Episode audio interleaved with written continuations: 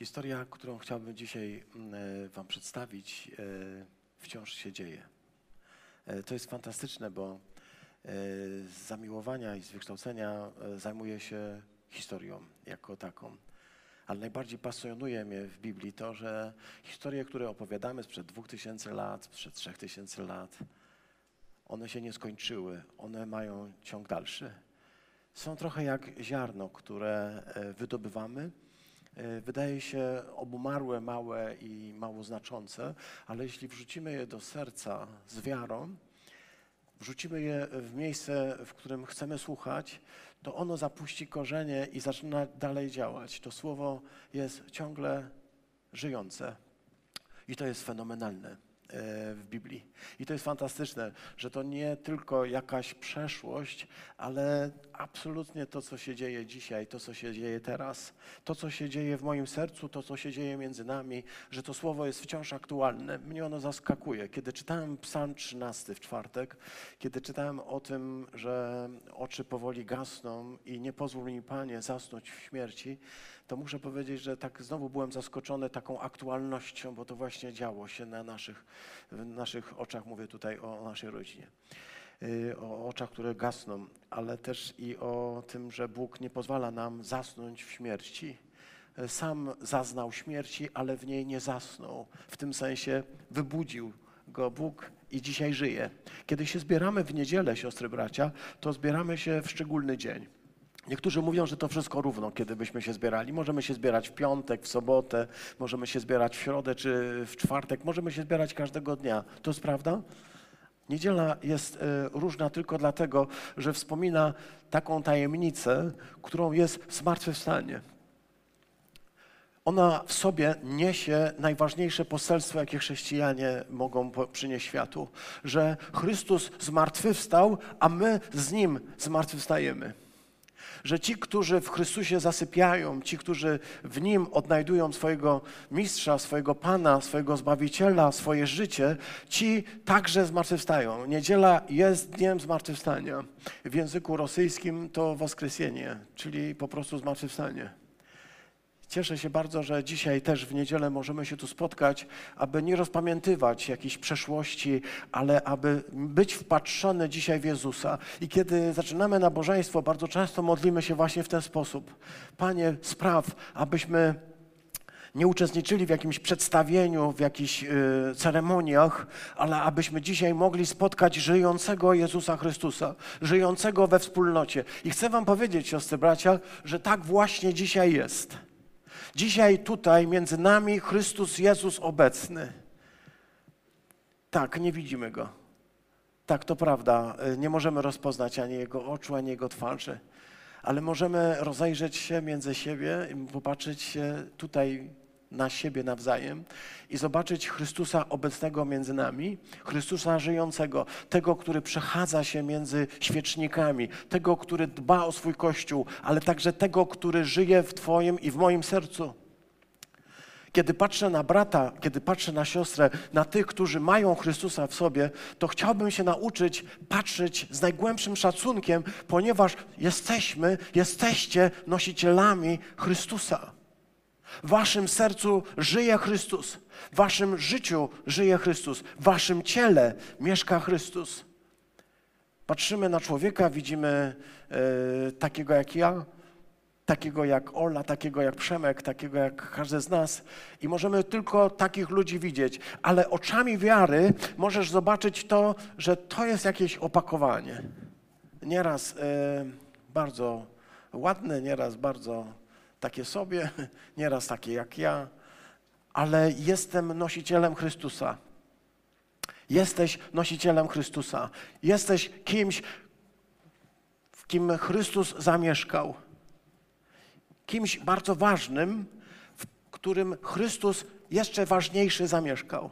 To powoduje nasz podstawowy szacunek do siostry i do brata. Rodzi się w nas on z przekonania, że nie jesteś przecież tylko zwyczajnie dalej takim samym człowiekiem, ale stałeś się nosicielem wyjątkowego skarbu. Dlatego z najwyższym szacunkiem podchodzimy do siostry, do brata i musimy się tego uczyć, nie?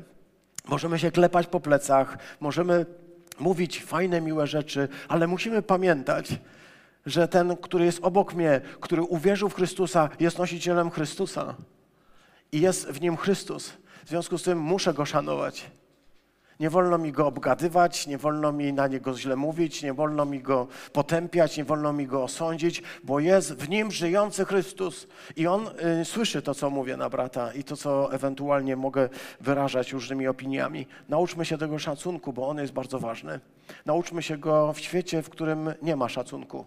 W świecie, w którym możemy zauważyć, że nieraz nawet ci, którzy wyznają wiarę w Chrystusa, tego szacunku drugim nie okazują. Na przekór temu wszystkiemu, bądźmy ludźmi innymi, takimi jak Chrystus. Uczmy się tak patrzeć. To byłoby super, co?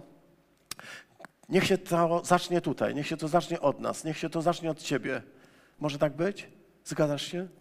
Niech się to zacznie od ciebie, ten szacunek do drugiego człowieka, szczególnie do tego, który jest nosicielem Chrystusa. Oczywiście do każdego, ale do tego, który jest nosicielem Chrystusa w pierwszej kolejności, bo to możesz spotykać Chrystusa między nami. Ten Chrystus między nami jest dzisiaj obecny i chciałbym o nim dalej opowiadać, chciałbym mówić o nim. Chrześcijaństwo to nic innego jak wciąż i wciąż mówienie o Chrystusie.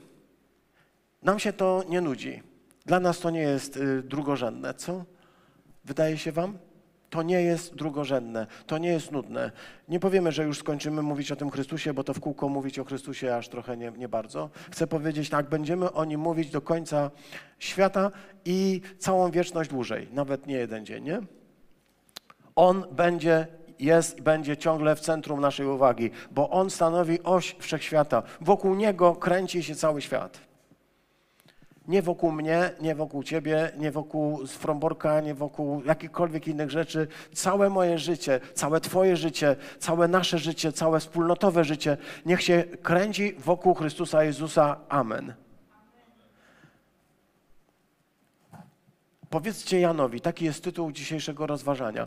Powiedzcie Janowi. Na pewno y, znacie to miejsce, skąd to słowo pochodzi. Na pewno przywołujecie już cały tekst.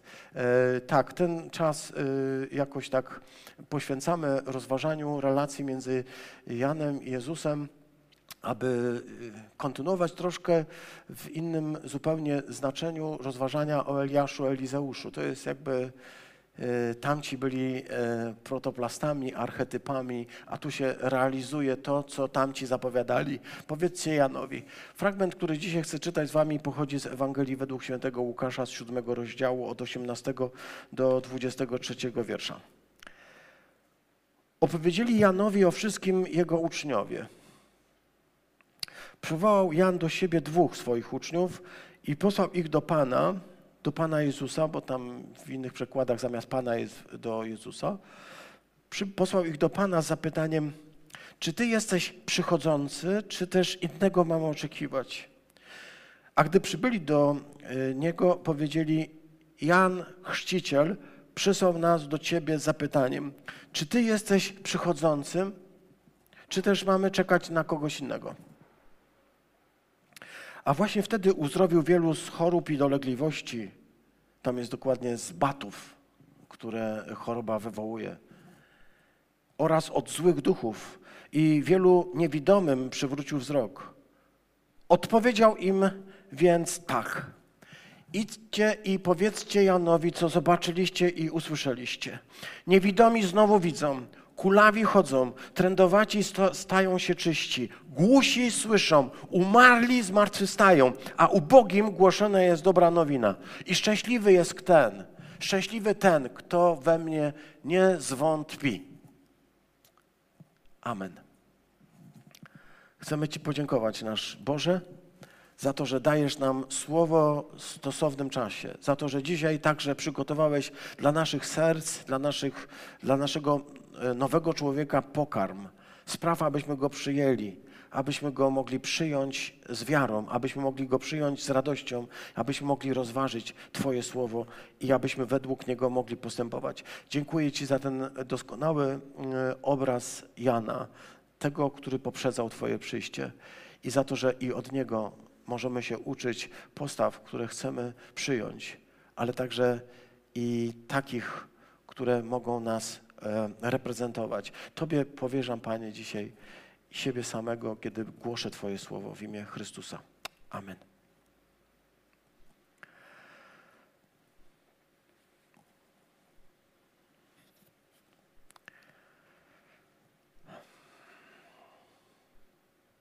Bóg zawsze odbiega od tych scenariuszy, które my mu napiszemy. Mówimy o tym.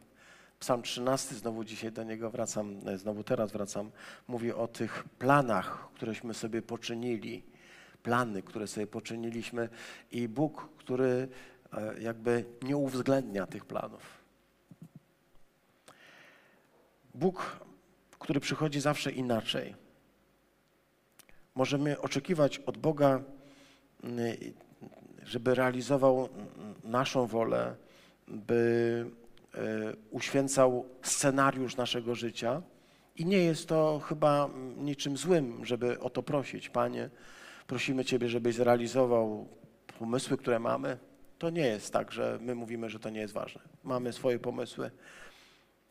Jesteśmy nieraz do nich przywiązani, do naszych pomysłów, do naszych mm, koncepcji, do naszych wizji. Jesteśmy do nich przywiązani. I czy to źle? Nie. Musimy mieć plany. Musimy myśleć. Od dzieciństwa się tego uczymy. Kiedy dzieci są jeszcze małe, musimy im powiedzieć: Słuchajcie, musicie wybrać szkołę odpowiednią. Zastanówcie się, co byście chcieli robić w życiu. Nie możemy powiedzieć: Wiesz, to wszystko równo, co będziesz robił w życiu. Zdaj się na Pana Boga. Nie, wysyłamy do szkół, wysyłamy na studia, myślimy o pracy, planujemy dni. Czy to są złe rzeczy? Możemy myśleć nieraz, że no, wręcz yy, właściwe, tak?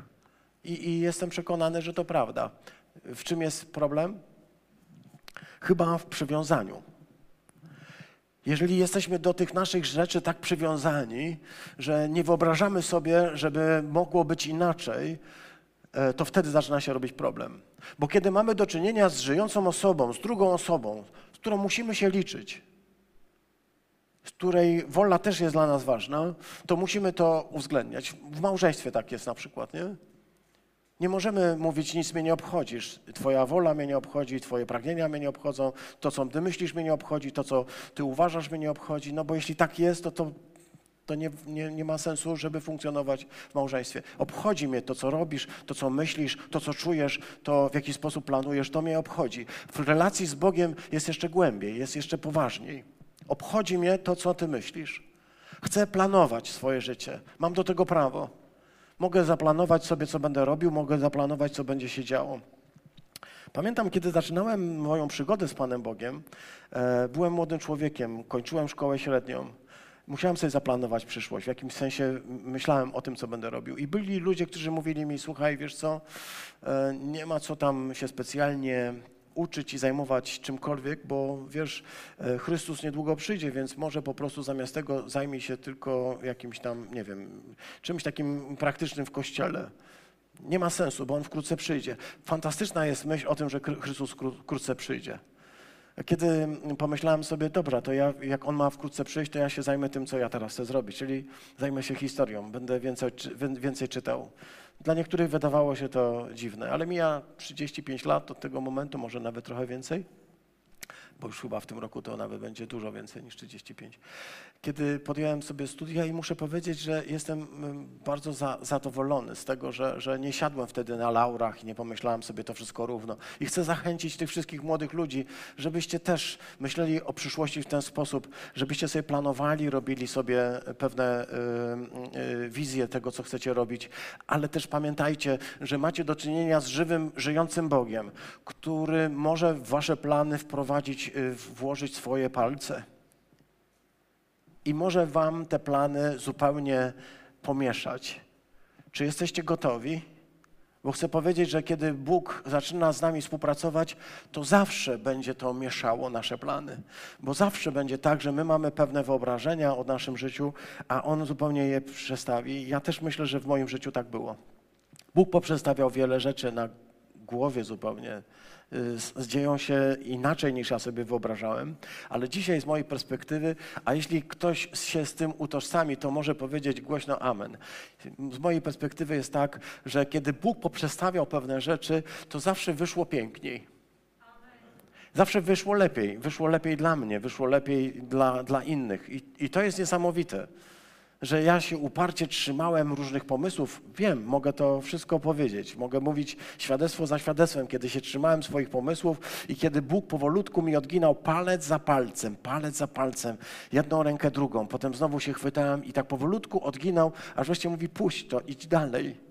Ja się trzymałem swoich pomysłów, swojego, swojego patrzenia na świat, a on mnie tak powolutku odciągał, mówi: zostaw to już, idź dalej ponieważ mam jeszcze inne rzeczy, chcę z Tobą zrobić inne rzeczy. Przyzwyczajeni do tego, że to wszystko, co już mam, i myśli o tym, że już więcej, yy, tylko utrzymać to, nie? A Bóg mówi: zostaw to, idź dalej. Tak jest? I tak jest fajnie. Ale zawsze to człowiek się trochę wystraszy, nie? Zostawi, a jak się okaże, że trzeba było to trzymać, zostaw. Zostaw, idź dalej. Bóg ma piękne rzeczy. Ale my mamy swoje pomysły. Y, Izrael wyobrażał sobie nadejście Mesjasza w bardzo konkretny sposób. Y, I ten sposób chyba do dzisiaj jest w tym narodzie. Kiedy czytasz y, teksty dotyczące starożytnego Izraela, tych, którzy nie stali się wierzącymi w Jezusa, ale tych, którzy uznali, że Jezus nie jest Mesjaszem, który nie jest Mesjaszem posłanym przez Pana Boga, nie jest tym Zbawicielem świata, tych, którzy nie uwierzyli, że Jezus jest Chrystusem, ci mówią, Jezus nie jest Mesjaszem, ponieważ gdyby przyszedł, wszystko by się radykalnie zmieniło. Kiedyś przywoływałem ten przykład, przepraszam, że powtórzę, ale pamiętam taki, kiedy e, pewien rabin mm, usłyszał od swojego ucznia, że ten uczeń taki zachwytem przyszedł, mówi, rabbi, podobno Mesjasz przyszedł. I on tak się popatrzył na, na okno przez chwilkę, się tak spojrzał, rozejrzał i mówi, nie przyszedł. On mówi, skąd wiesz, przecież tylko przez okno spojrzałeś. On mówi, jak Mesjasz przyjdzie, wszystko się zmieni. Chcę się zapytać, co się zmieniło, gdy przyszedł Mesjasz Jezus z Nazaretu? Bogaci przestali być wyzyskiwaczami, zniknęli na świecie ubodzy. Nastał czas sprawiedliwości, powszechnej szczęśliwości. Nie, dlatego Żydzi mówią, to nie mógł być Mesjasz, bo kiedy przyjdzie Mesjasz, wszystko się zmieni, radykalnie się zmieni. A jeśli się nie zmieniło, to znaczy, że on nie jest tym Mesjaszem. Ponieważ oni mają pewne wyobrażenia o tym, zbudowali je na podstawie pism. To nie jest dziwne? Oni z wyobrażenia na podstawie przyjścia Mesjasza zbudowali na podstawie pism. Na czym polega problem? Na czym polega ich problem? Że nie uwzględnili wszystkiego. Jeżeli wzięli dane, ale tylko cząstkowe, jeśli wybrali sobie kilka ulubionych myśli, kilka ulubionych tekstów, i jeśli na tym zbudowali całą wizję, a potem przychodzi Mesjasz i im nie pasuje, tym gorzej dla Mesjasza. Jest to wielkie niebezpieczeństwo dla Kościoła.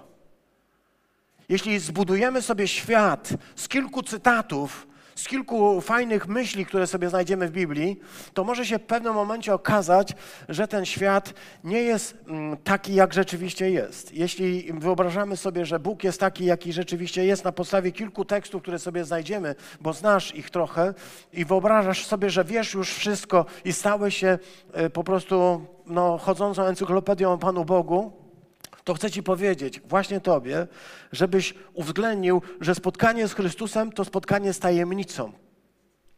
I musisz czytać głębiej, więcej i zobaczyć ten problem, który stał się udziałem narodu żydowskiego, który nie uwierzył, ponieważ uznał, że Mesjasz musi spełnić te i te kryteria, ale nie chce zobaczyć 53 rozdziału Izajasza nie chcę zobaczyć czterech pieśni o słudze pańskim jako pieśni zapowiadających nadejście Mesjasza. Chcę widzieć tylko to, co e, chcę widzieć. Coś musi się wydarzyć, coś musi się zmienić. Co musi zmienić?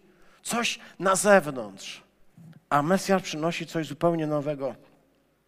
Siódmy rozdział Łukasza jest bardzo interesujący. Zaczyna się e, przecież od e, takiego przeciętnego rzymskiego centuriona. Wracamy na chwilkę do historii. Zwykły rzymski centurion. Wydaje się od po prostu e, Rzymianin, który e, okazuje się z nieprzeciętną wiarą.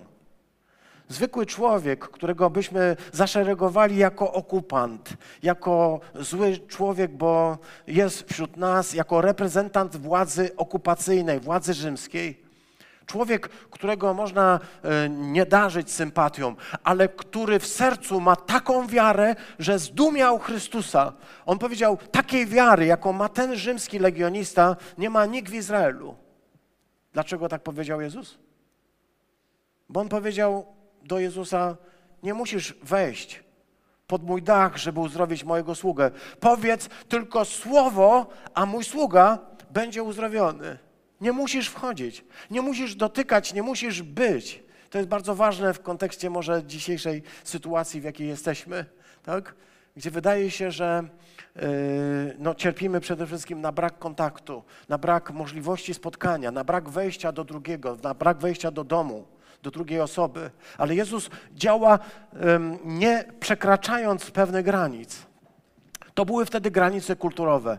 Wejść do domu Rzymianina dla porządnego, pobożnego rabina oznaczało nieczystość. I on to rozumiał. Zachował kulturę, to o czym, od czego zaczęliśmy. Uszanował Chrystusa. Wiedział, że dla niego wejść pod rzymski dach to było wziąć na siebie y, całą masę tak zwanego hejtu, że wszedł do rzymskiego domu, tam są rzymskie bogi, tam są y, nieczyste potrawy, tam są nieczyści ludzie i on z nimi był i on z nimi mieszkał. Wiemy to z 10, wiemy to z 11 rozdziału dziejów apostolskich, jak bardzo ten sposób myślenia był zakorzeniony w środowisku tych Żydów, którymi, y, którzy się już nawrócili, a jak głęboko był zakorzeniony w tych, którzy się nie nawrócili. Ile hejtu by spadło dzisiaj, gdyby wszedł pod dach Rzymianina. A ten Rzymianin z najgłębszą kulturą, najgłębszym uwrażliwieniem mówi, ale nie musisz wejść. Ty możesz działać, nie wchodząc do mojego domu, nie wchodząc e, inaczej niż słowem. Powiedz tylko słowo, to słowo pchnij do mnie, to słowo poślij do mnie i to słowo uzdrowi. A ty jesteś wcielonym słowem. Możesz to uczynić. W świecie, w którym nie możemy się spotykać, w świecie, w którym nie możemy schodzić się razem w jedno miejsce, często w którym nie możemy po prostu być tak jak wcześniej, chcę powiedzieć, to słowo jest słowem zachęty, bo pokazuje, że ani mury, ani pandemia, ani granice nie są przeszkodą dla Boga działającego. Tak się zaczyna siódmy rozdział Łukasza. Potem jest jeszcze inna, jeszcze bardziej dramatyczna historia. Historia o tym, y, jak to. Yy, by wracając do e, e, Elizeusza i do e, kobiety z szunem, pamiętacie ją? To tutaj mm, na terenach tej pięknej doliny Jezreel szunem, a na drugiej stronie tego wzgórza, mówiliśmy, jest Nain. Siódmy rozdział opowiada o, o Nain. Jeśli Elizeusz był posłany do pewnej szunemitki, aby tam uzdrowić, wskrzesić z martwych jej syna i do, dokonał się cud, Elizeusz pokazał Bożą moc, to widzimy tutaj w siódmym rozdziale także po drugiej stronie tej samej góry, y, od strony południowej jest Szunem, od strony północnej jest Nain, po drugiej stronie tej samej góry, zaledwie kilka kilometrów, może nawet mniej, Znajdują się te dwie miejscowości, w których w jednej została uzdrowiona, został wskrzeszony chłopiec i z drugiej strony został wskrzeszony chłopiec. O tym e, mówi dalej siódmy rozdział. A my idziemy jeszcze kawaloncik dalej, by powiedzieć, że gdy to wszystko się wydarzyło, gdy dziecko powstało z mar, gdy e, rozeszła się e, wiadomość o tym po całej krainie, po całej Judei, to wszyscy zaczęli mówić, wielki prorok pośród nas nastał. Bóg rzeczywiście nawiedza swój lud. Rzeczywiście mm, cuda są, e, tak jakby powiedzieć, poprzedzają e, Chrystusa. E, wieści o cudach poprzedzają wieści o Nim. Wszyscy więc oczekują wyjątkowego spotkania z wyjątkowym, z wyjątkowym kimś. I wtedy pojawia się historia, którą wam przed chwilką przeczytałem. Opowiadanie o, o Janie. Jan rozpoznał Jezusa jako kogoś wyjątkowego. Rozpoznał e, go tego dnia, gdy e, Jezus przyszedł nad rzekę, aby poprosić Jana o chrzest, o to, żeby go zanurzył. Czytaliśmy o tym w Ewangelii Jana, czytaliśmy o tym przede wszystkim w Ewangelii Mateusza, o tym, że Jan rozpoznał w Jezusie Mesjasza po tym, że Duch Boży spoczął na nim i po tym, że otwarło się niebo i że mógł usłyszeć i zobaczyć chwałę Bożą, mógł usłyszeć ten szczególny głos, głos, który zabrzmiał: To jest mój syn umiłowany, w nim jest moje całe umiłowanie, upodobanie, w nim jest moja ukryta moja cała miłość. Kiedy mógł to wszystko zobaczyć, kiedy mógł to usłyszeć, Jan wyznał najgłębiej, jak mógł, e, swoją wiarę, wiarę w to, że to jest rzeczywiście Mesjasz. I nazwał go w sposób szczególny i proroczy barankiem Bożym. Ja myślę sobie, że mm, to jest bardzo interesujące e, śledzić ten rozwój Jana, zobaczyć tego człowieka, który się staje, który egeneto, mówiąc językiem greckim, staje się. Staje się według wzoru, pamiętacie, bo Bóg stworzył nas na swój obraz, na swój wzór, na jakieś swoje podobieństwo i my jako ludzie mamy się stawać podobni do tego obrazu. Jan staje się, musi być jakiś wzorzec, nie? Trochę to przypomina może platonizm, że istnieje doskonały wzór, do którego my mamy się w jakimś sensie odnieść. Żeby być prawdziwi, prawdziwymi ludźmi, musimy stać się jak ten wzorzec. Wzorzec jest um, gdzieś pod Paryżem, ale to chyba metra, jeśli chodzi o, o ten wzorzec metra pod Paryżem. Natomiast w niebie jest wzorzec człowieczeństwa. Ten wzorzec człowieczeństwa mamy w niebie i do niego musimy się równać. Kiedyś Grzegorz powiedział o tym piękne kazanie z Apokalipsy. Pamiętam, Grzesiu, dziękuję bardzo. Powiedział o tym, że jest, jest taki wzorzec, jest taki kanon. Ma na imię Jezus Chrystus. Do niego i tylko do niego możemy się równać. Pamiętasz? Tylko do Niego możemy się równać. Do żadnego człowieka. Jak się równamy z innymi ludźmi, to wychodzą wszystkie nasze y, słabości, tak? Jestem od kogoś gorszy, jestem od kogoś lepszy, on nie jest taki jak ja. Porównaj się z Chrystusem. To jest wzorzec, do którego masz yy, sięgać. Chcę się zapytać, chcesz do niego sięgać? Czy chcesz być podobny jak on? Jan mówi, to jest baranek Boży. Ja się nad tym zastanawiam. Bo przecież jeśli Jan wierzy, to, że to jest baranek Boży, e, to już jest głęboko prorocze, prawda? Głęboko prorocze jest to, że Jan nie widzi Jezusa jako mocarza, jako e, e, kogoś, kto jest przede wszystkim sędzią Bożym, jako kogoś, kto przychodzi tutaj, by uporządkować świat, ale dostrzega w nim baranka Bożego. Ja nieraz się zastanawiam, może dzisiaj szczególnie jest dobra pora do tego, żeby sobie odpowiedzieć na to pytanie, czy Jan rozumiał to, co powiedział? Czy Jan rozumiał, co to znaczy, że Jezus jest barankiem Bożym? Wydaje się, że tak. No człowiek jak mówi, to chyba wie, co mówi. Prawda, Mariusz? Skoro mówi, to chyba wie, co mówi. Czy Jan rozumiał, co to znaczy, że Jezus jest barankiem Bożym? Śmiem wątpić, ale tak powiedział. Chcę powiedzieć, że może być tak, że pewne rzeczy e, Bóg kładzie ci z natchnienia w serce, ale nie zawsze musi się rozumieć. Nieraz pewne rzeczy się pojawiają w naszym sercu jako coś głębokie przekonanie i to je wyrazisz, ale potem wracasz do swoich przekonań. Dlaczego tak myślę? Dlatego, że w pewnym momencie, i to nie jest yy, jakby tajemnicą, Jan zada takie pytanie, które jest dla nas yy, dość zaskakujące, a ono brzmi: Czy ty jesteś tym, który ma przyjść? Czy jesteś tym przychodzącym, tym, na którego czekamy, tym Mesjaszem, którego Bóg zapowiedział? Czy nie? Czy ty jesteś tym, który ma przyjść, czy na innego musimy czekać? Skąd to pytanie? Ono się narodziło z wątpliwości. Moim takim autorem ulubionym w młodości, jeszcze chyba zanim e, stałem się uczniem Chrystusa, ale już mm, no, ten głos Jana do mnie docierał, takim ulubionym autorem był Jan Dobraczyński, może go pamiętacie, e, autorem listów Nikodema, przede wszystkim bardzo popularnej książeczki, pięknej, bardzo fajnej, to jest wyjątkowa rzecz. Ale kto dzisiaj pamięta Jana Dobraczyńskiego? E, no tak, No musicie być bardzo starzy. E, Kto dzisiaj pamięta Jana Dobraczyńskiego, listy Nikodema? Jan Dobraczyński napisał trochę takich fajnych tekstów, które mi się podobają. Sama postać no, wie- wieloznaczna, mówię o Dobraczyńskim, e, zaangażowany politycznie e, po stronie, która może nam się nie spodobać, więc później od czci i wiary. Ale e, listy Nikodema, jeśli czytałeś, zostały gdzieś w tobie jako taki rodzaj relacji człowieka, który pisze listy do przyjaciela, pisze list o Jezusie, pisze do Nikodema, listy do Nikodema. Ale y, ja czytałem też jego Grom uderzy po raz trzeci. Taka książeczka niewielka, e, o, jego opowieść o Janie Chrzcicielu.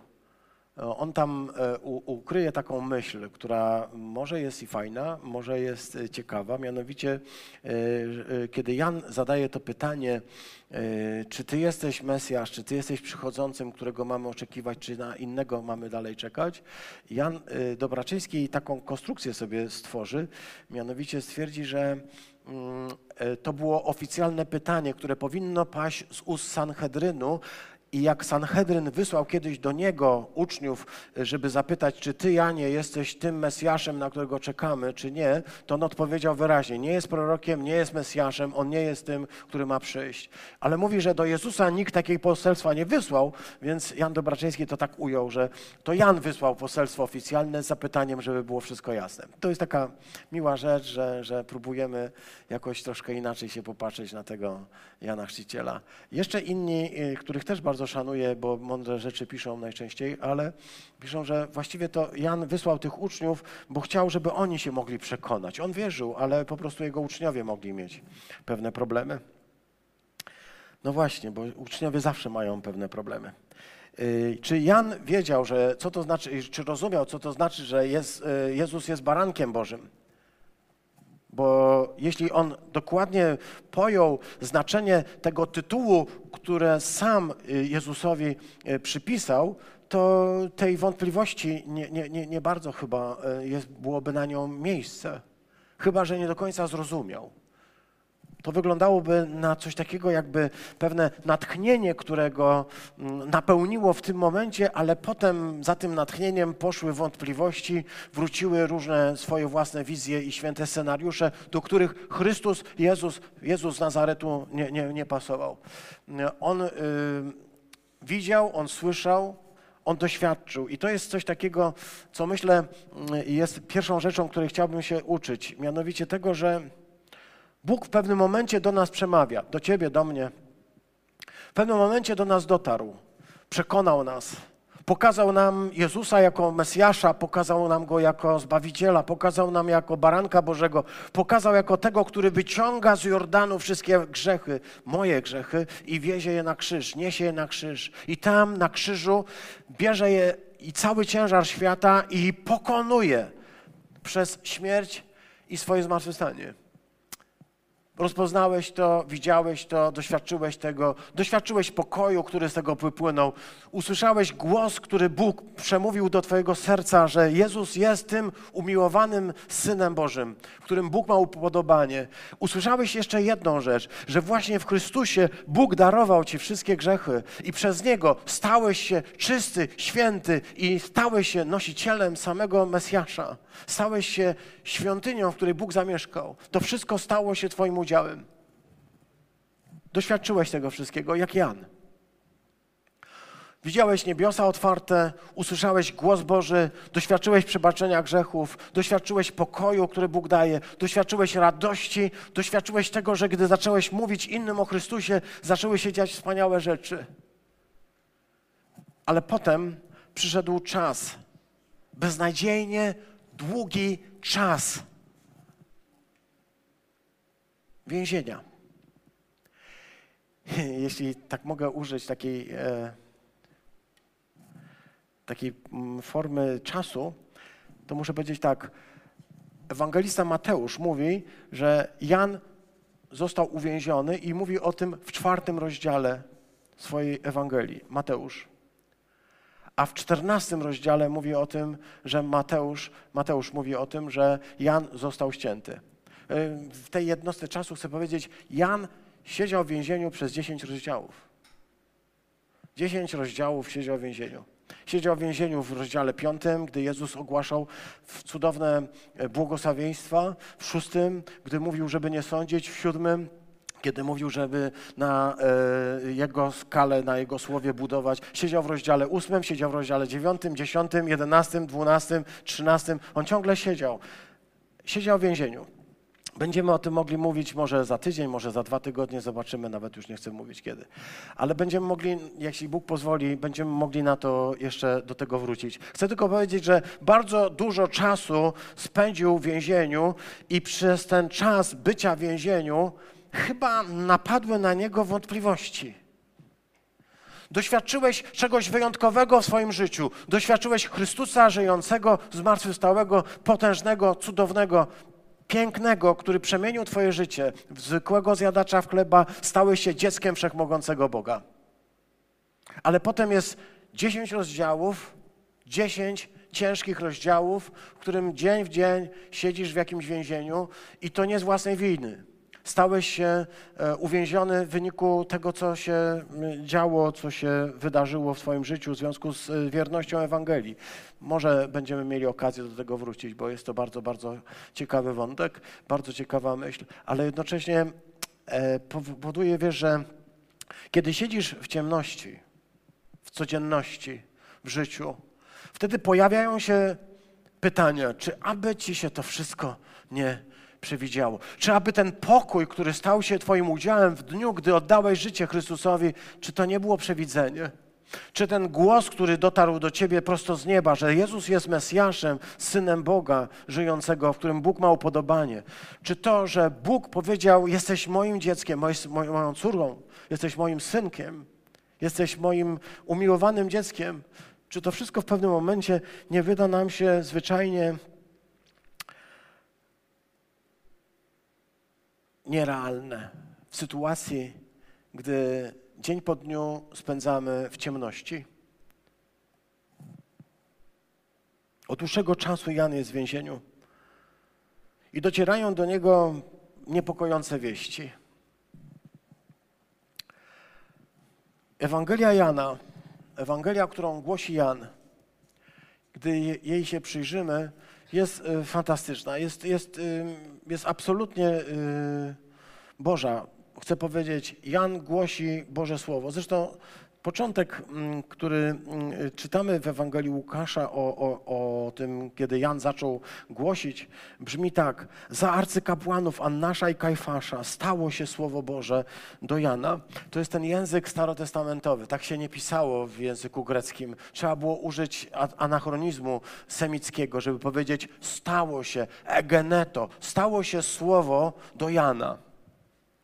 Nie tylko stało się słowo, słowo stało się ciałem, Jan stał się y, człowiekiem, ale także stało się Słowo Boże do Jana. To jest taki zwrot, który widzieliśmy u proroka Jeremiasza, szczególnie, ale u innych proroków.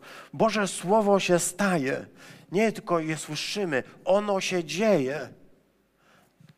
Bóg nie tylko mówi coś, ale kiedy mówi, to to się staje. Kiedy powiedział, niech się staje światłość, to się dzieje światło. Jeśli mówi, niech się staje ziemia, ziemią. Jeśli ją zawoła, to ona się wydobywa z nicości. Jesteśmy co do tego przekonani. Bo Boże Słowo to nie tylko e, Boże myśli, Mówimy o tym, to jest ważne. Boże Słowo to także czyn, to także aktywność, to ten dynamizm, w którym możemy rozpoznawać, że kiedy Bóg mówi, to się rzeczy dzieją stało się słowo do Jana.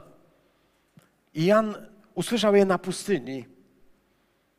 E, ta pustynia jest tutaj o tyle ciekawa, że ona oznacza e, pustynię judzką. Na pustyni judzkiej mm, działały w tym czasie grupy e, Żydów przekonanych o tym, że Mesjasz wkrótce przyjdzie byli co do tego przekonani bardzo, bo widzimy to w ich pismach. Zachowała się mm, wielka biblioteka, jak ją e, znamy, e, w takiej niewielkiej miejscowości, osadzie położonej u podnóża Morza e, Martwego i pustyni Syna, e, pus- pustyni judzkiej, więc pustynia się roztacza, idzie ku górze, wzbija się ta pustynia judzka, bardzo taka, mm, bym powiedział, i, ciekawa, a u podnóża tej pustyni e, na głębokiej depresji, nad samym Morzem Martwym znajdują się niewielkie osady. Jedna z nich to Murabat, ale najbardziej znana to Qumran. E, W tej osadzie znaleźliśmy od 47, mówiąc my w znaczeniu jako ludzie, od, odkryliśmy bibliotekę e, jakiejś grupy em, Żydów, których nazwaliśmy Eseńczykami.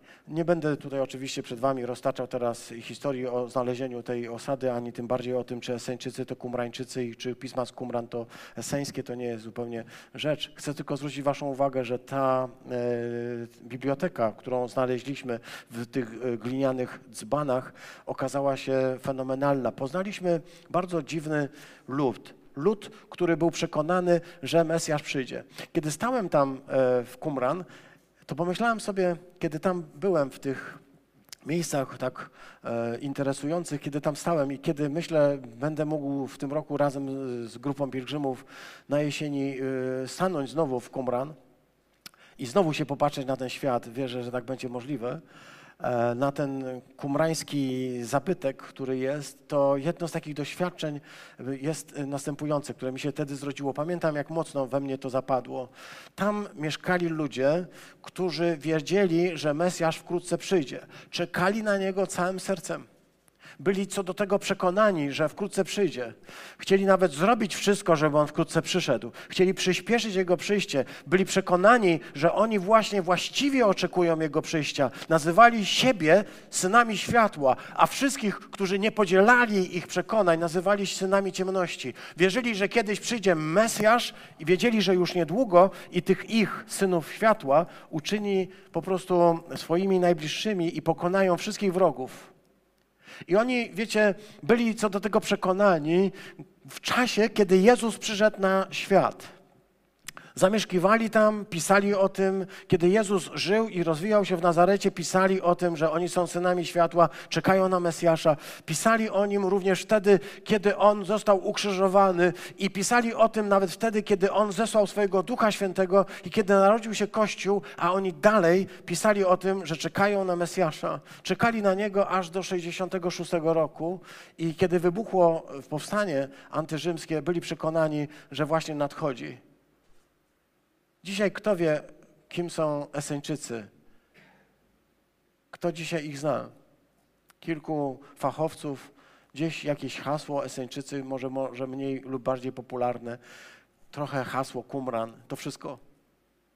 Byli, żyli, siedzieli obok, mogli dotykać, mogli pójść, ale byli głęboko przekonani, że ich wizja Mesjasza jest jedyna słuszna. Dlatego, kiedy pojawia się Jezus ze swoim działaniem, to im coś tam w nim nie pasuje i stwierdzają, że mm, mm, to nie tak.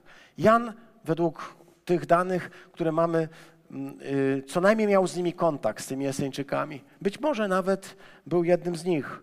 I są takie poglądy, ponieważ ten tekst, który tutaj widzicie z Izajasza z 40 rozdziału, głos wołającego na pustyni, był często przez Eseńczyków wykorzystywany i rozważany.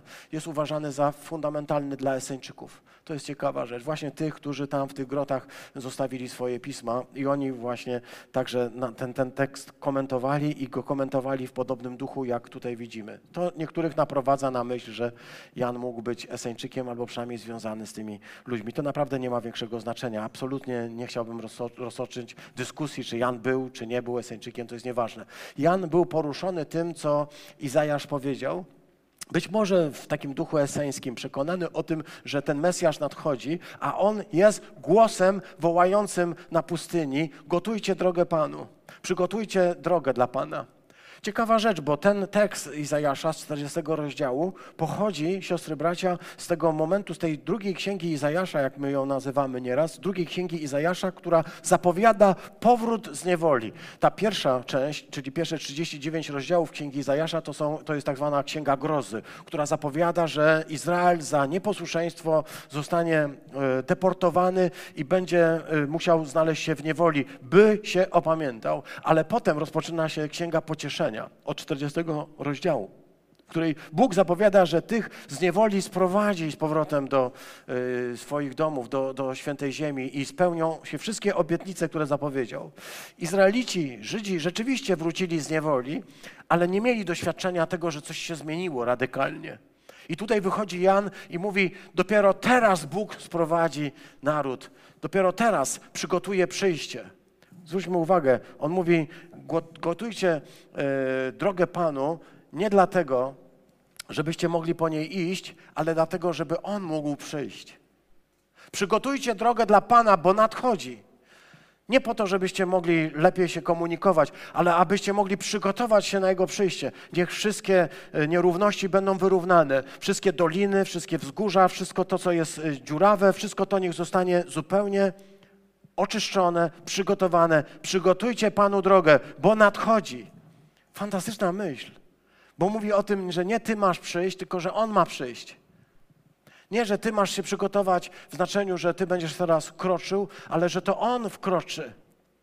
Że to On wejdzie w Twoje dzieje, że to On wejdzie w Twoje życie, że to On wejdzie w, twoje, y, y, w Twoją historię, że to wreszcie nastąpi czas powrotu z niewoli że Bóg wyprowadzi cię z tej niewoli. I to jest to, co fantastyczne jest w tym tekście i to, co y, mówi tutaj Jan, czym kończy to wezwanie, że wszelkie stworzenie, wszelkie stworzenie, wszystkie stworzenia ujrzą chwałę Bożą. My jesteśmy tacy antropocentryczni, nie? że to wszystko dotyczy człowieka, człowieka i człowieka, tylko nas.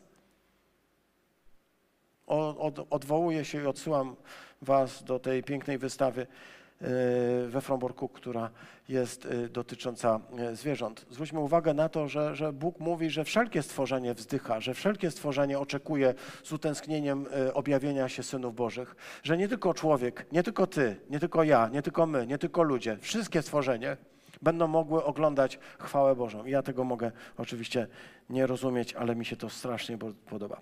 Przyszli do niego celnicy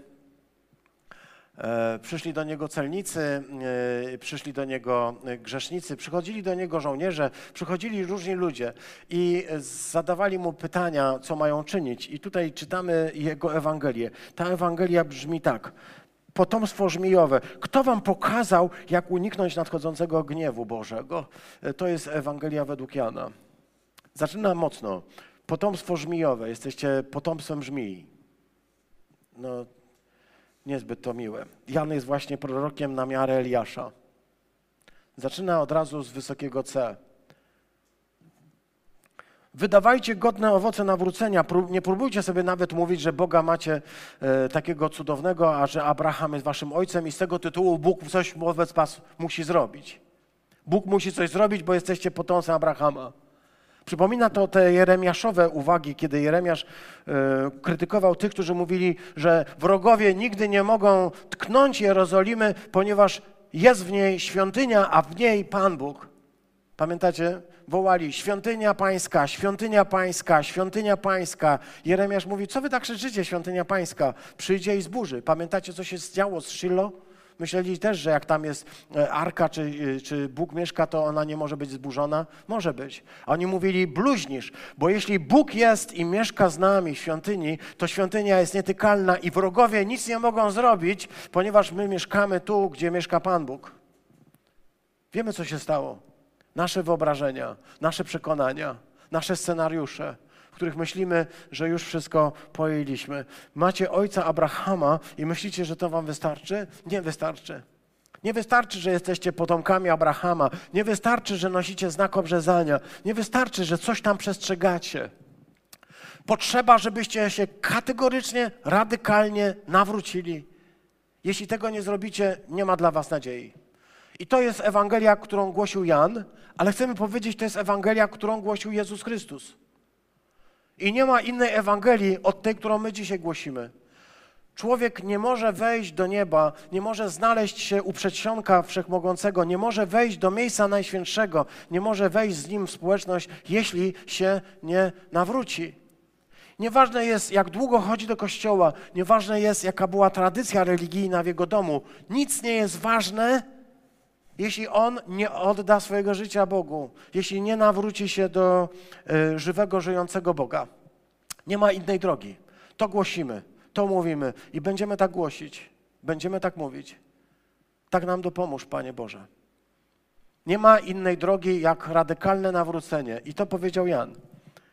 I mówi dalej, siekiera do korzenia drzewa przyłożona. Każde drzewo, które nie wydaje dobrego owocu, zostanie wycięte, wrzucone do ognia. Y, to jest Łukasz. U Mateusza jego Ewangelia jest jeszcze bardziej radykalna. On tam będzie mówił, że już stoi z siekierą, ale w ręku ma jeszcze wiejadło. Będzie odsiewał ziarno od plew, a plewy wszystkie spali w ogniu nieugaszonym i będzie taki ogień się palił nieugaszony. Te plewy będą się ciągle w nim paliły i, i taka wizja Jana. Jan jest przekonany, że Mesjasz idzie już, ale idzie z siekierą i z wiejadłem. Będzie ciął i przewiewał, będzie palił w ogniu i będzie wypalał całe zło, które jest y, na świecie. Jest głęboko przekonany, że ten, który jest barankiem, jest jednocześnie sędzią i wodzem, jest tym, który zwycięży. Pytali go, co mamy czynić, i odpowiedział: kto ma dwa ubrania, niech się dzieli z tymi, którzy y, nie mają. To jest taka Amosowa, Amosowa w znaczeniu e, proroka Amosa e, Ewangelia. Ewangelia, która mówi o tym, że musimy e, być wobec siebie solidarni.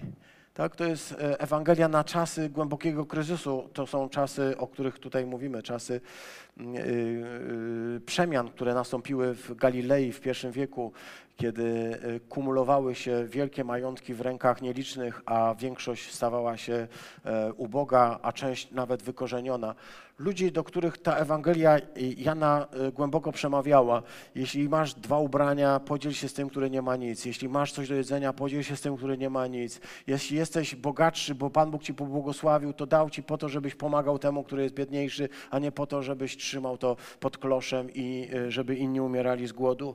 A jeśli mm, możemy powiedzieć, dotyczy to także celników, którzy nie są synonimem czegoś dobrego, wręcz przeciwnie, mówi, nie pobierajcie więcej niż to, co jest y, w rozporządzeniu, tak mówi, niż to, co zostało y, udzielone w rozporządzeniu. Rozporządzenie stanowiło, ale celnicy swoje. Żołnierze przychodzili, nikomu, na, ni, na nikim nic nie wymuszajcie, nikomu też siłą nie zabierajcie, poprzestawajcie na swoim żołdzie.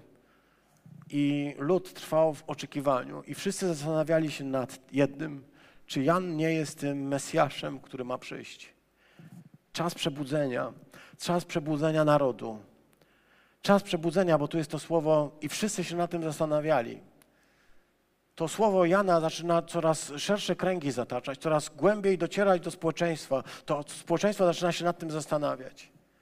Siostry, bracia, żyjemy dokładnie w takich samych czasach. Majątki niektórych rosną niewyobrażalnie. Ubóstwo staje się na naszych oczach coraz bardziej widoczne. Groźby, które się wypowiada pod tym adresem gospodarki, są realne. Dlatego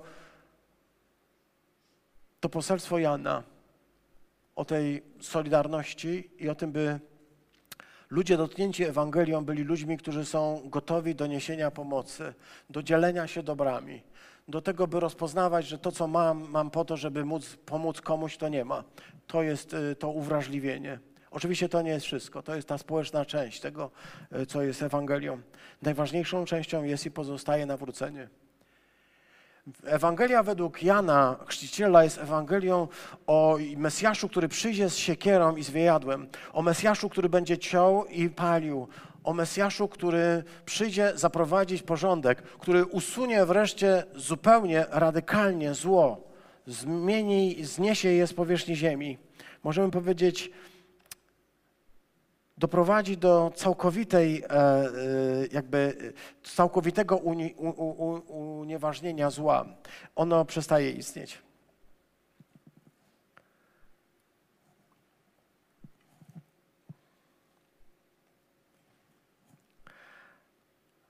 Wątpliwości, które, e, o których czytamy w siódmym rozdziale, które powodują, że Jan wysyła uczniów, może sami uczniowie wywołali. Kiedy czytamy sami uczniowie Jana, opowiedzieli uczniowie Janowi o wszystkim, y, co Jezus robił, co Jezus mówił. Pomiędzy uczniami Jana a Jezusem i uczniami Jezusa panowała taka swoista rywalizacja. E, pamiętacie takie teksty? Może je za tydzień jeszcze przywołamy. Uczniowie Jana często przychodzą do Jezusa z takim pytaniem: Dlaczego my tyle pościmy? Dlaczego my i faryzeusze tyle pościmy? Dlaczego my i faryzeusze tyle się modlimy? Dlaczego twoi uczniowie nie poszczą? Dlaczego twoi uczniowie tyle się nie modlą? Dlaczego twoi uczniowie nie są tacy yy, bardzo pobożni jak my? A potem pojawia się jeszcze ta myśl, która w trzecim rozdziale Jana jest dokładnie opisana. Jak to jest, że teraz wszyscy zamiast do Jana zaczynają iść za Jezusem? Dlaczego Jezus zaczyna chrzcić więcej niż Jan? Dlaczego wokół Jezusa zaczyna się cała ta e, jakby, czy on nie chce przejąć jego Janowej, yy, yy, Janowego dziedzictwa, przejąć tych wszystkich ludzi, cały ten potencjał. I wiecie, co się rodzi wtedy w sercu ludzi, nie? Ks, rodzi się zawiść, zazdrość. Dlaczego u was jest e, więcej? Dlaczego przejęliście bez pytania? I idą do Jana może po to, żeby mu powiedzieć, Janie, to dzieło, które rozpocząłeś, ty jesteś teraz w więzieniu, ktoś inny owoce zbiera. I ten inny nie przychodzi z siekierą i z wyjadłem. Nie wygląda na to, żeby przychodził i wykorzeniał to zło. Ten inny wcale nie jest radykalny. Mniej poszczą, mniej się modlą, mniej różnych innych praktyk czynią. Tam są te pretensje. Nie wiem, czy z tego powodu, czy z innych powodów. Wiem tylko, że Jan wysyła dwóch uczniów, dwóch świadków, zgodnie z, ze starotestamentowym prawem, ze starotestamentową zasadą, że zawsze muszą być dwa świadkowie. Idźcie i zadajcie mu oficjalne pytanie. Niech to oficjalnie mm, zapadnie, niech będzie brzmiało to tak radykalnie i jednoznacznie, jak sobie tylko może wyobrażać. Mianowicie, czy ty jesteś tym Mesjaszem, który ma przyjść, czy mamy się innego spodziewać? To pytanie, które myślę, że my y, y, możemy jakby być zaskoczeni i zdziwieni, że pada z ust kogoś takiego jak Jan, co do którego jesteśmy głęboko przekonani, że jest właśnie człowiekiem, człowiekiem Bożym. Chcę powiedzieć, czy to nie te rozdziały cierpienia, rozdziały y, więzienia, rozdziały, gdy był w ciemności, zdecydowały o tym. Zaczynam mieć może jakieś wątpliwości czy wątpliwości są złe. Um, chcę tylko powiedzieć tak, siostry bracia. E, Jan robi coś najpiękniejszego, coś, czego nas może nauczyć. Jeśli masz wątpliwości, czy to jest dobra droga, czy nie jest dobra droga, czy on jest tym, kogo masz się spodziewać, czy kimś innym. Jeśli masz wątpliwości, to zrób to, co powiedział Jan. Mianowicie idź do Jezusa i zadaj mu to pytanie. Bo to jest chyba to, na co wskazuje nam Jan, jego doskonałość.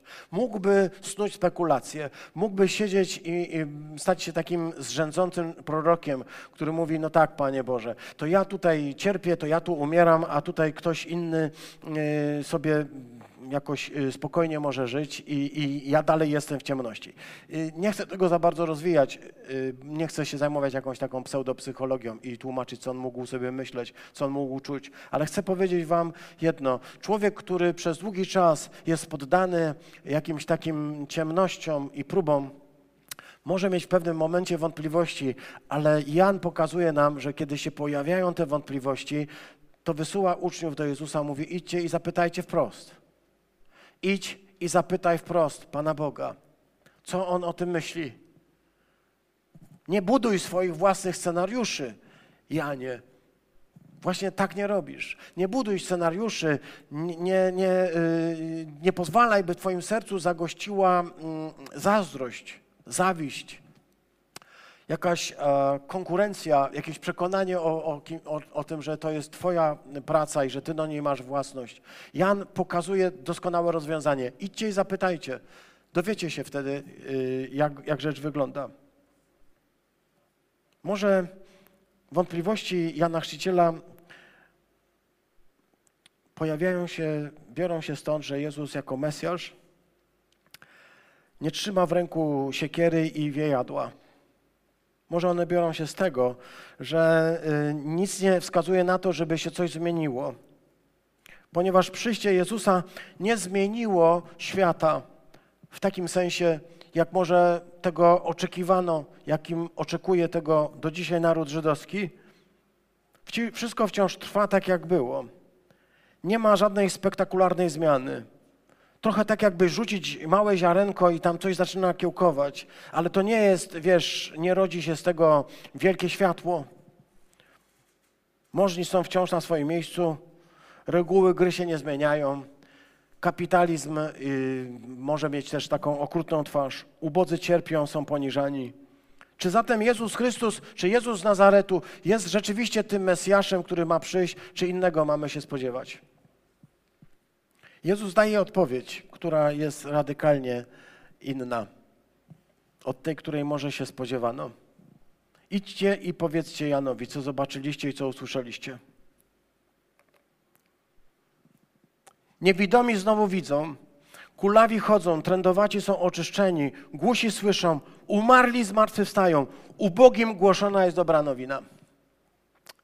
Tak brzmi odpowiedź Jezusa. Tak brzmiała i tak brzmi dzisiaj. Na pytanie, dlaczego ten świat się nie zmienia, Jezus mówi, bo nie widzisz.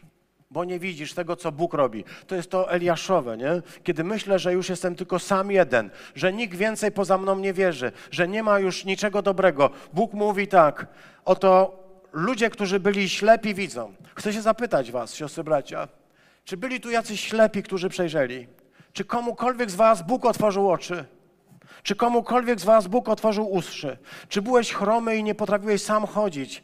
Czy byłeś sparaliżowany i nie mogłeś ruszyć ręką i nogą, a Bóg cię zmienił? Czy byłeś umarły, a Bóg cię wzbudził z martwych? Czy usłyszałeś dobrą nowinę o darowaniu grzechów i tą nowinę przyjąłeś do serca i ona radykalnie zmieniła Twoje życie? Jezus mówi, że dokładnie to się dzieje. Nie dajmy sobie wmówić, że nic się nie zmienia. Ponieważ Bóg do końca y, czyni swoją wolę, do końca w taki sposób, że może tego oko wiadomości nie uchwycić, może TVN o tym nie mówi, może nie widzicie tego w internecie, może widzicie spory i, i zmiany, ale chcę powiedzieć, nic się nie zmieniło. Niewidomi znowu widzą. Widzę, Panie Jezu, Słyszę Twój głos. Mogę się ruszać, mogę iść. Nie jestem już sparaliżowany grzechem. Zostałem oczyszczony z trądu. Byłem umarły, a Bóg zbudził mnie z martwych. To wszystko się dzieje. A jednocześnie Jan dalej siedzi w więzieniu. A jednocześnie ludzie chorują. A jednocześnie wciąż dzieją się przykre rzeczy. Modlimy się o coraz większą liczbę ludzi bliskich nam którzy chorują, którzy są w szpitalu. Ciągle słyszymy te apele, y, pogotowie modlitewne działa na najwyższych obrotach, bo ciągle i ciągle słyszymy, jak e, dotyka choroba nasza ukochana honorata grzywińska, znajomi, bliscy, rodziny, nasz kochany Leszek. Możesz powiedzieć tak, Mówisz tutaj Ewangelię, a ci ludzie zwyczajnie cierpią, umierają na Twoich oczach. Czy Ewangelia nie powinna radykalnie zmienić wszystkiego do tego stopnia, że każdy chory zostaje natychmiast uzdrowiony i każdy człowiek, który umiera, zostaje wzbudzony z martwych? Ten tydzień jest dla mnie osobistym doświadczeniem śmierci kogoś najbliższego, bo Mama jest właśnie taką osobą. Przy całych e, problemach, jakie się rodzą wtedy, nie zrodziło się w nikim z nas pytanie, dlaczego Panie?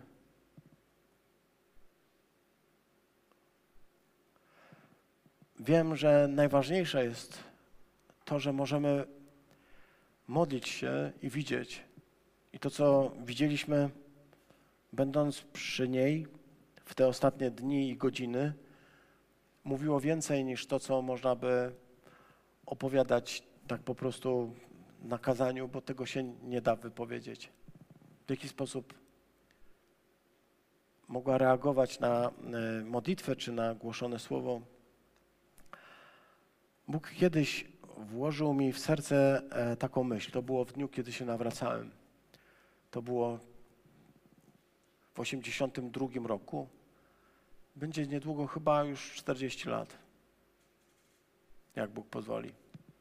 Bóg powiedział wtedy do mnie: Ty i twój dom będziesz zbawiony. Byłem wtedy młodym chłopakiem, mieszkałem z rodzicami. Dla mnie mój dom to byli moi rodzice i rodzeństwo. I muszę powiedzieć, że od tamtej pory to słowo wciąż we mnie jest i wiem, że Bóg wciąż działa i widzę to działanie i widzę przemianę, które dokonywał we wszystkich tych ludziach i nie wszystko rozumiem. Nieraz czuję się rzeczywiście szczęśliwy z tego powodu, że wszystko realizuję, nieraz myślę sobie, jeszcze nie wszystko zrealizował, jeszcze nie wszystko skończył, ale kto powiedział, że to muszę wszystko zobaczyć? Powiedział: Zaufaj mi. Ja wszystko wyprowadzę ku dobremu. Stoisz w obliczu trudnych sytuacji, stoisz w obliczu, gdy ktoś cierpi, gdy ktoś umiera. Czytasz taki tekst jak ten.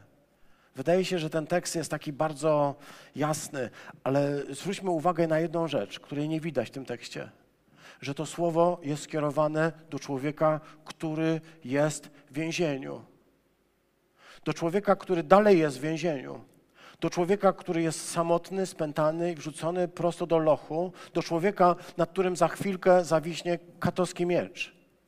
To jest mowa do człowieka nie takiego, wiesz, że hura, Ewangelia, sukcesu w tym sensie, wiesz, i ty wyjdziesz z więzienia i wszystko będzie dobrze i będziesz żył długo i szczęśliwie i nic się złego nie stanie. To jest powiedziane do człowieka, który za chwilkę zostanie postawiony w akt oskarżenia i stracony. To jest Ewangelia do człowieka, który y, nie będzie mógł tego wszystkiego oglądać na własne oczy, ale chcę powiedzieć, to jest słowo, które całkowicie może poruszyć, jeśli tylko zastosujemy to, co jest na końcu powiedziane. Mogę wielu rzeczy nie rozumieć. Wiele rzeczy wymyka się spod mojej percepcji, tak? Nie umiem odpowiedzieć na pytania, dlaczego tak jest, dlaczego ktoś cierpi, dlaczego modlimy się, a ktoś nie jest uzdrowiony. Dlaczego Jan jest dalej w więzieniu? Dlaczego Leszek leży w chorobie? Dlaczego są różne trudne rzeczy? Nie umiem odpowiedzieć. Ale chcę powiedzieć, szczęśliwy, kto we mnie nie zwątpi, mówi Chrystus.